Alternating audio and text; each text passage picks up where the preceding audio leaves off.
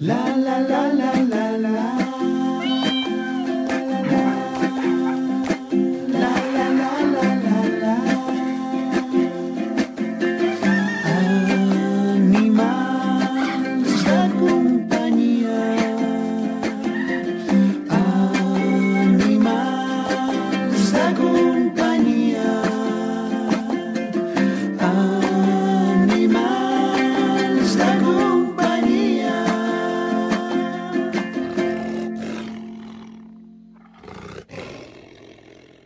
Som els únics habitants del planeta que podem riure? Una investigació recent de la Universitat de Califòrnia diu que no. Igual que els humans, s'ha detectat que unes 65 espècies d'animals com a mínim també riuen mentre juguen. Entre elles hi ha gossos, foques, vaques i periquitos. I com és el seu riure? Evidentment no és el nostre ha-ha, sinó que hi ha molta diversitat de sons. Lladrucs, xiscles, panteixos, brams, vocalitzacions que fan servir per comunicar-se durant el joc. En els gossos, concretament, algunes investigacions asseguren que l'equivalent al riure d'una persona podria ser quan l'animal relaxa les comissures dels llavis i comença a panteixar amb rapidesa o exhalar de manera més forçada i entretallada. Amb aquesta notícia indispensable pels qui teniu animals, comencem el podcast d'avui dedicat a com escollir el seu nom perfecte. RAC més i Gosby us ofereixen Animals de companyia amb Bàrbara Julve, un podcast per una relació saludable amb els vostres animals. Rex, Happy, Otto o Ricard. Quin nom li posem al nostre animal de companyia? Triar-lo pot semblar fàcil, però sabent que el nom l'acompanyarà tota la vida, molts responsables s'hi pensen dues vegades abans d'escollir-ne un. És probable que si li posem trasto, el gos sigui diferent a que si li posem coet. En parlem amb el doctor Marcos Díaz Videla, professor en psicologia, docent universitari dedicat a l'antrosologia, és a dir, l'estudi de les interaccions humano-animal. Una entrevista que fem en connexió amb l'Argentina. Doctor Marcos Díaz, què tal? Benvingut, com estàs? Com va per aquí l'Argentina? Muy bien, muchas gracias por invitarme, un placer. Estàs eh, ben acompanyat amb els teus gossos? Sí, acá me están acompañando mis perras que se llaman Dalma y Janina. Quizá en España no, no, reconocen los nombres, acá en Argentina son muy conocidos, porque las hijas del futbolista argentino, que acá es un gran, gran ídolo, Diego Armando Maradona, se llaman así, Dalma y Janina, y de ahí vino el nombre de mis perras. Doncs està, està molt bé. Què és el que has tingut en compte per triar eh, aquests noms? T'agrada en Diego Armando Maradona? O en general què hem de tenir en compte si volem posar un nom al nostre animal de companyia? Yo lo que tuve en cuenta es que estas eran dos perritas hermanas, ya eran hermanas de por sí de la misma camada y estaban esperando para ser adoptadas. Entonces, cuando yo las quise adoptar, pensé en, en, un nombre que fuera divertido, que fuera lúdico, pero que además reflejara el vínculo que había entre ellas, porque en las fotos ellas estaban siempre unidas. Y en nuestra cultura siempre no, las nombramos juntas, a Dalma y Janina, ¿no? Siempre se las nombra en las, en las notas periodísticas juntas, como sería Patty y Selma de Los Simpson, que siempre van juntas, Patty y Selma. Bueno, ellas siempre iban juntas y yo quise reflejar eso. Digo, eso este, un nombre bastante lúdico y que tiene que ver con la cultura argentina. Perquè quins sons els agraden més eh, en els animals? Hi ha uns sons determinats que, que els, els agradable sentir-los?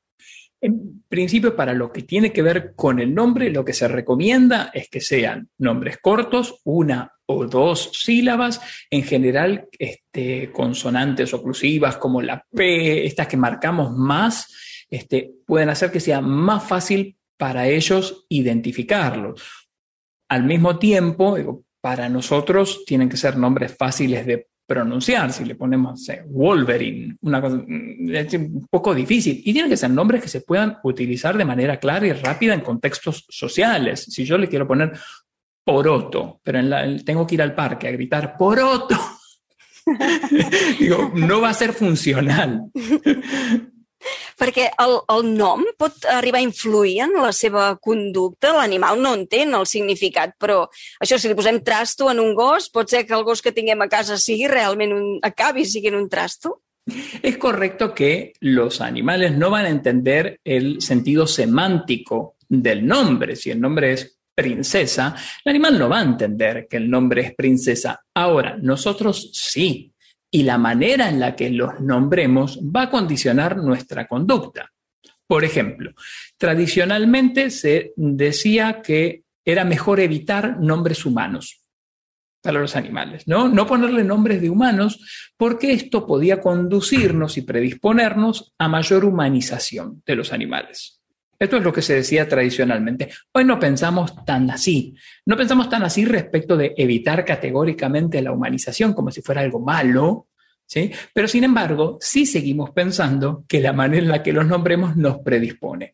Entonces, si nosotros vamos a nombrarlos con un nombre canalla, como se les suele decir, del estilo de, no sé, vago, este, o rufián, o Pulgoso, golfo, eh, mm, d'aquest estil, no? o sucio también.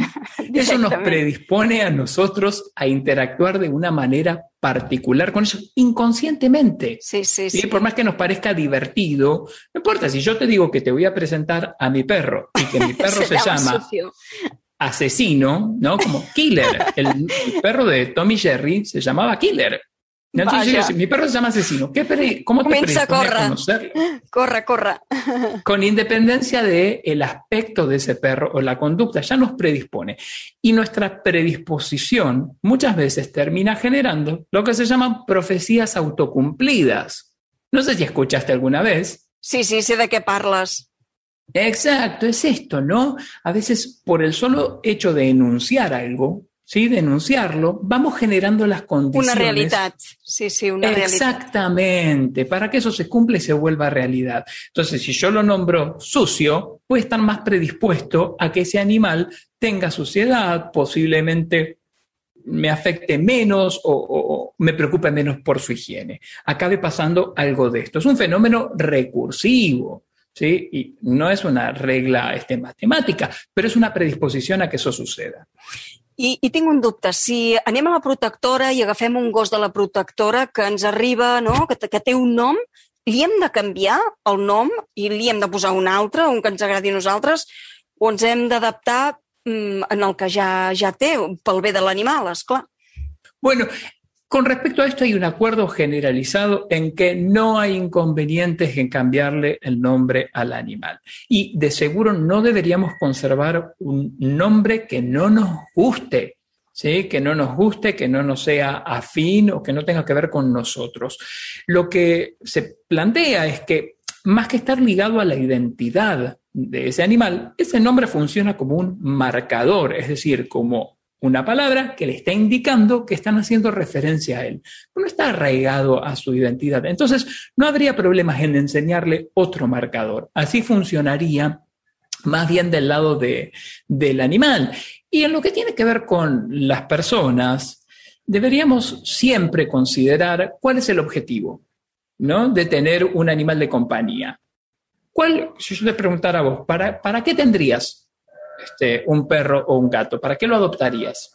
Mm, jo l'adoptaria doncs, eh, per compartir amb ell moltes coses, no? Sortides eh, on sigui, a la muntanya o a la platja i per, per, per compartir la vida.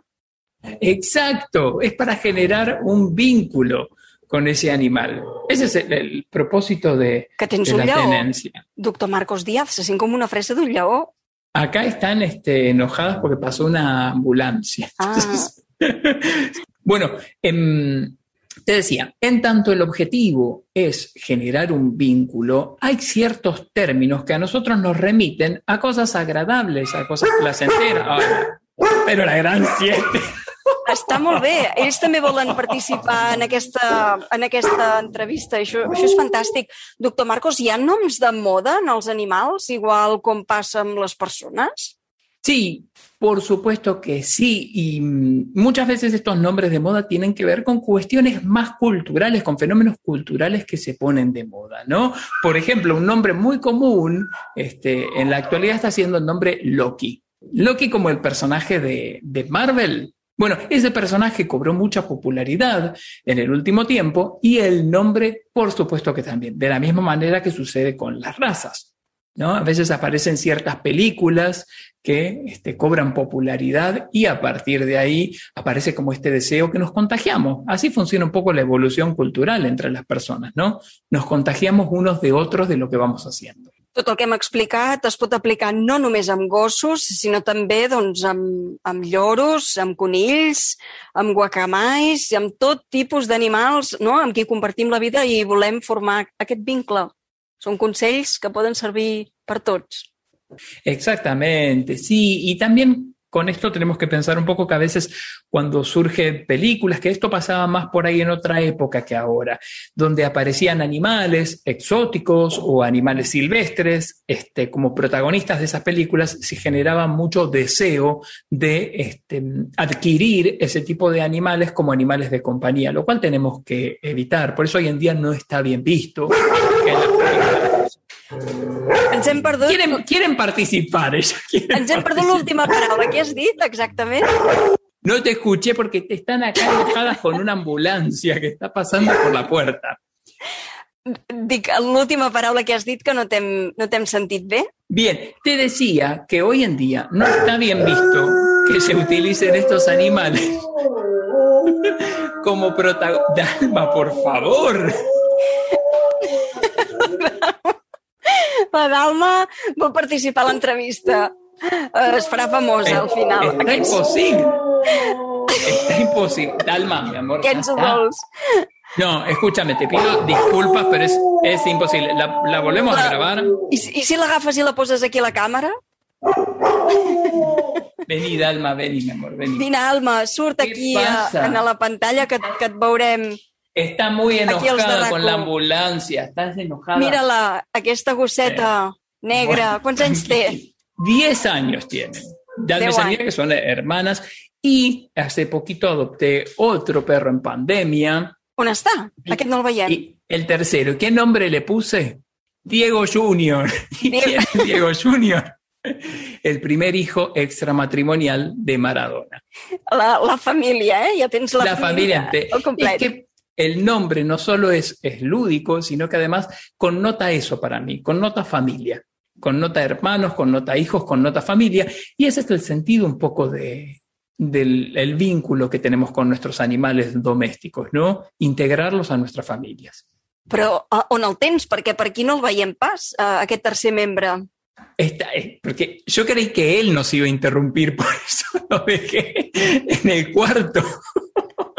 Pobrecito, al final se terminó portando bien él y las otras dos estuvieron interrumpiéndonos. Doncs que surtin tots i fem aquí una, una foto de família. Doctor Marcos Díaz Videla, professor en psicologia, docent universitari dedicat a l'antrosologia.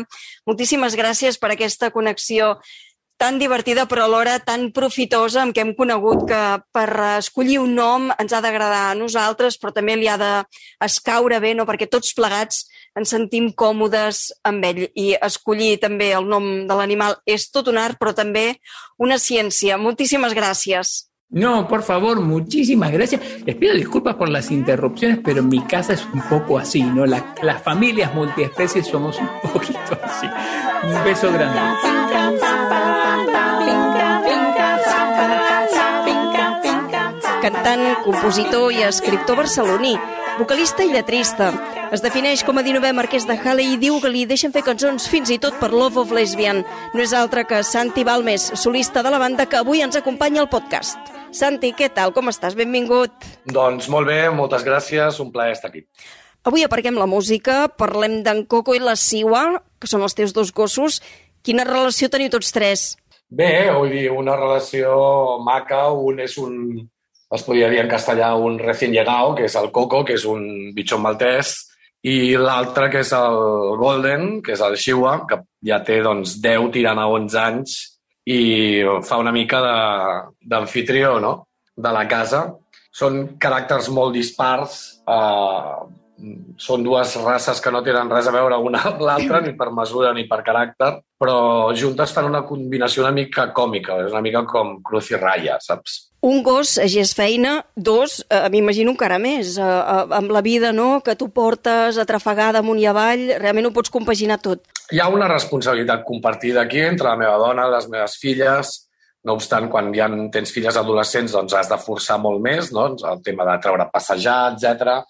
Eh, però, però sí, vull dir, és, jo crec que amb això del, del, del tema dels gossos és igual que potser amb els fills, no? Penses que no dones més a l'abast i, i resulta que treus forces de d'on sigui, no? La capacitat d'estimar de, doncs, eh, es va multiplicant, no és una cosa que tinguis doncs, un cupo, no?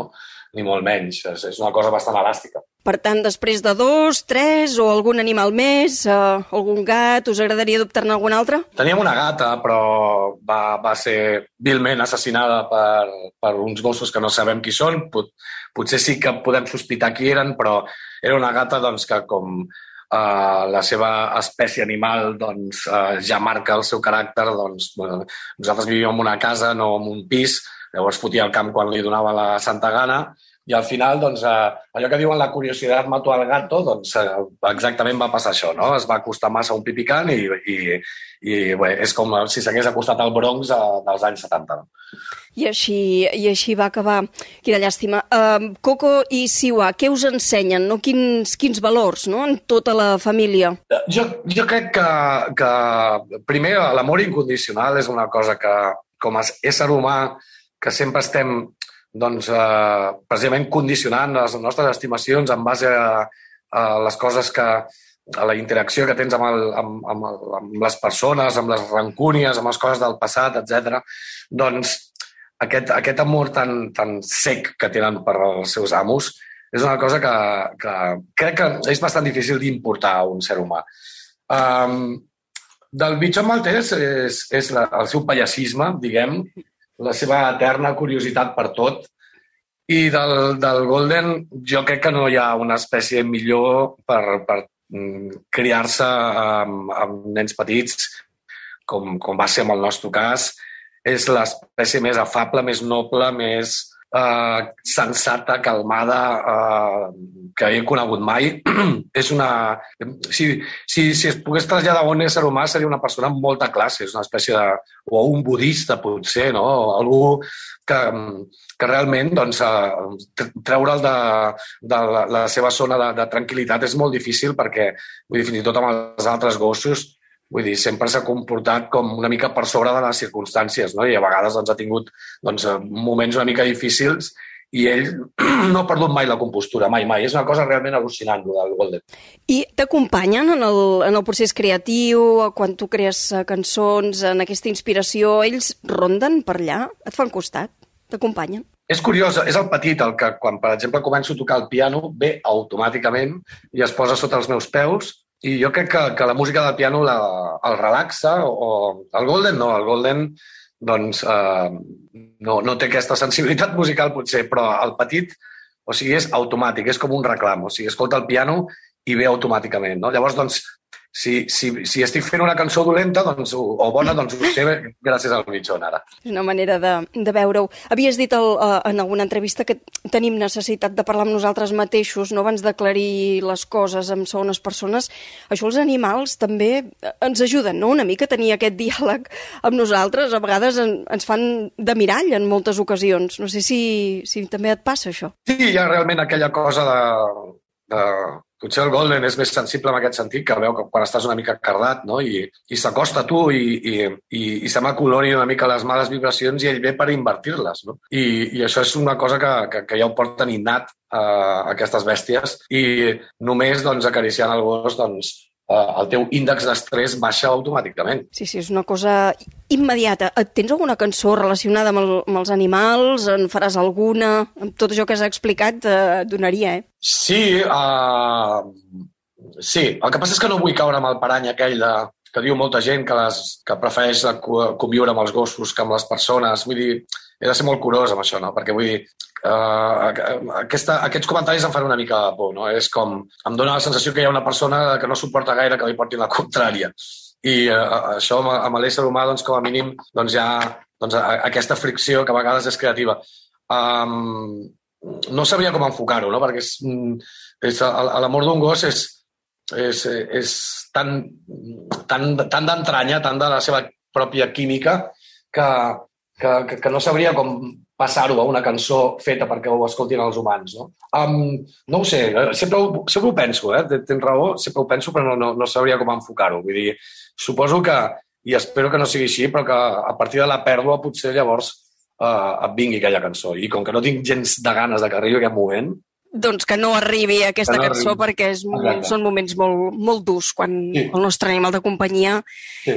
S'acaba. Um, Santi, recomana'ns un llibre o una pel·lícula d'animals que t'hagi agradat i explica'ns per què. Home, potser una que, que fa una metàfora del comportament humà, que seria el, el, el clàssic de George Orwell, no? la, la revolta dels animals, em va, em va impactar molt no? el, el, el doble fons que tenia. No, no és que tingui gaire a veure amb, el, amb els animals, sinó que és, és mm, utilitzar els animals com per retratar-nos a nosaltres, no? com per la lluita del poder, per les enveges, per, per, per les maquinacions que pots arribar a fer doncs, eh, per l'enveja, els gelos, eh, l'ànsia, la, la cobdícia. No? Vull dir, és, és, un, és un llibre que recomanaria sempre. Doncs gràcies, Santi, per acostar-nos a Coco i Siwa, els teus eh, dos gossos, que per cert, un dels dos eh, es deu estar recuperant, no? L'hem vist per xarxes amb, amb una campana, no?, que, que li han posat. Què, què li ha passat? Un herpes, eh, bueno, dintre del que cap doncs, podria haver estat pitjor, però perquè fins i tot vaig arribar a pensar que, que tenia com, com la sarna, però dir, ostres, però és, un, és una malaltia més de, de falta d'higiene. I no, no, és un herpes que, que li va agafar. Crec que ho va empitjorar a la Costa Brava doncs, perquè se'ls- doncs, estava tota l'estona rascant-se amb la sorra i això no li ha anat precisament bé. I ara, doncs, mira, s'ha convertit en un gos làmpara que el borden els altres gossos quan el veuen perquè no el reconeixen i, bueno, sort, bé sort que té de l'olor, no? Vull dir, el, aquest, aquest gran DNI que tenen els animals, que és l'olor, no? I tant. Doncs bé, que, que, que es millori i aquests animals que tant ens fan patir, no, però que tant també s'estimen. I tant. Així serà. Molt bé, doncs Santi, moltíssimes gràcies per acompanyar-nos. Una abraçada. Que vagi molt bé. Una abraçada a tots. Segur que teniu un piló de fotografies que us heu fet amb el vostre animal de companyia, a la platja, en aquella excursió, a casa, al sofà... Doncs heu de saber que aquestes fotografies ara poden tenir premi. En aquesta segona temporada del podcast Animals de Companyia encetem un concurs de fotografia quinzenal gràcies a la col·laboració de Gosby. Podeu enviar fotografies amb l'animal que tingueu, gat, gos, lloro, conill, tortuga o iguana, el que sigui el company animal amb qui compartiu la vida, per dir-ho d'una altra manera. I com triarem la millor imatge que hàgim rebut en els darrers 15 dies? Doncs l'encarregat d'aquesta tria serà l'expert en fotografia i xarxes socials Jordi Gamell amb 37.000 seguidors a Instagram. Jordi, estàs per aquí? Hola, Bàrbara, aquí estic. Que ja quantes fotografies hem rebut? S'han d'anar fent de mica en mica i mica en mica els anirem veient. Què han de fer els nostres oients? Quins requisits han de tenir en compte per enviar les imatges?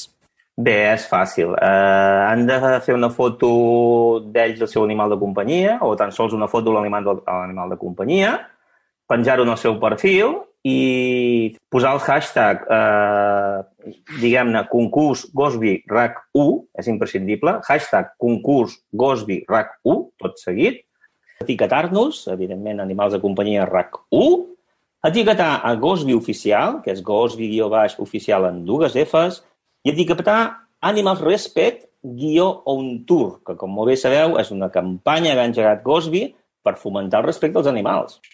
Què és allò que premiaràs? Ens pots donar algunes pistes, Jordi? Bé, anirem a premiar, primer de tot, intentarem que hi hagi originalitat, evidentment que hi hagi tendresa amb el nostre animal de, de, de companyia, sobretot, també, com, si és divertit, també molt millor, la composició, la llum, que la foto estigui ben feta. Al cap i la fi el que volem és que, que captis un molt bon moment amb el teu animal de companyia i es tracta d'això, que no serà fàcil. No li podem dir a l'animal de companyia que queda quiet, ja ho sabem tots plegats, però fàcil no serà, però segur que sortiran de molt maques. Estaria bé que ens fessin també una petita explicació no? de l'animal eh, que hi surt, eh, d'on són, no? La- els responsables que, que envien la Sí. fotografia. Sí, sí, abans de finalitzar amb el hashtag pues, concurs Gosby RAC1, seria bo pues, que posessis el nom de, de qui ets i el nom de l'animal de companyia, que segur que n'hi haurà de ben originals. I si ens expliqueu una miqueta l'animal de companyia, unes particularitats o, o què feu o què fa o... i totes aquestes coses, doncs fantàstic. Tu, Jordi, de fotografia hi entens i molt. Des de quan eh, t'hi dediques? Jo ja fa molts anys, molts i molts, he fet exposicions. Uh, sempre m'ha agradat la fotografia, però és, el meu cas és molt curiós. Uh, Posar-m'hi en sèrio va ser a partir d'Instagram, del principi d'Instagram. Quan vaig començar a fer fotografia a Instagram, un amic meu fotoperiodista em va, em va dir Jordi, tens molt bon ull, molt bon ull, compra una càmera de veritat i, i fes fotos. I aquí va començar tot. Instagram va començar tot. Uh, per cert, saps quin serà el premi de la millor fotografia? Que això encara no ho hem dit i és molt important gràcies a la col·laboració de Gosby. T'ho explico? Oh. Va, vinga, explica que, que estem Que tens ganes, eh? Sí. Doncs, doncs mira, és un fantàstic lot de productes Gosby que el rebran a casa pa- i serà per als seus animals de companyia i és fantàstic perquè tindrà de tot. És a dir que, Jordi, què et sembla? Uh, emplacem els oients ja que ens comencin a enviar fotografies, eh, que ens segueixin. Doncs ja estan trigant i sobretot poseu el vostre nom, el nom de la mascota i, i a, veure, a veure qui guanya. Eh, Que un premi així ho, ho tots. Doncs vinga, Jordi, m'ajudes a acomiadar el podcast? Encantat de la vida i tan fàcil com dir. I fins aquí tenim el podcast. Podcast, perdó. Els podcast Podcast. El és una podcast. paraula complicada, eh? És una paraula complicada, però tenim el podcast avui acabat, però amb la particularitat de que a partir d'ara ja sabeu que podeu enviar les vostres fotos i a guanyar premi, evidentment. Doncs vinga, els esperem. Gràcies. Som-hi! RAC més i Gosby us han ofert Animals de companyia amb Bàrbara Julve, un podcast per una relació saludable amb els vostres animals. Sabies que Gosby és la marca catalana per excel·lència en la preparació d'aliments d'alta qualitat per als nostres gats i gossos? Perquè alimentar és una forma d'estimar, Gosby, l'alimentació conscient per als teus gats i gossos. Ens trobaràs en clíniques veterinàries i comerços especialitzats de proximitat. Consulta'ls a gosby.com.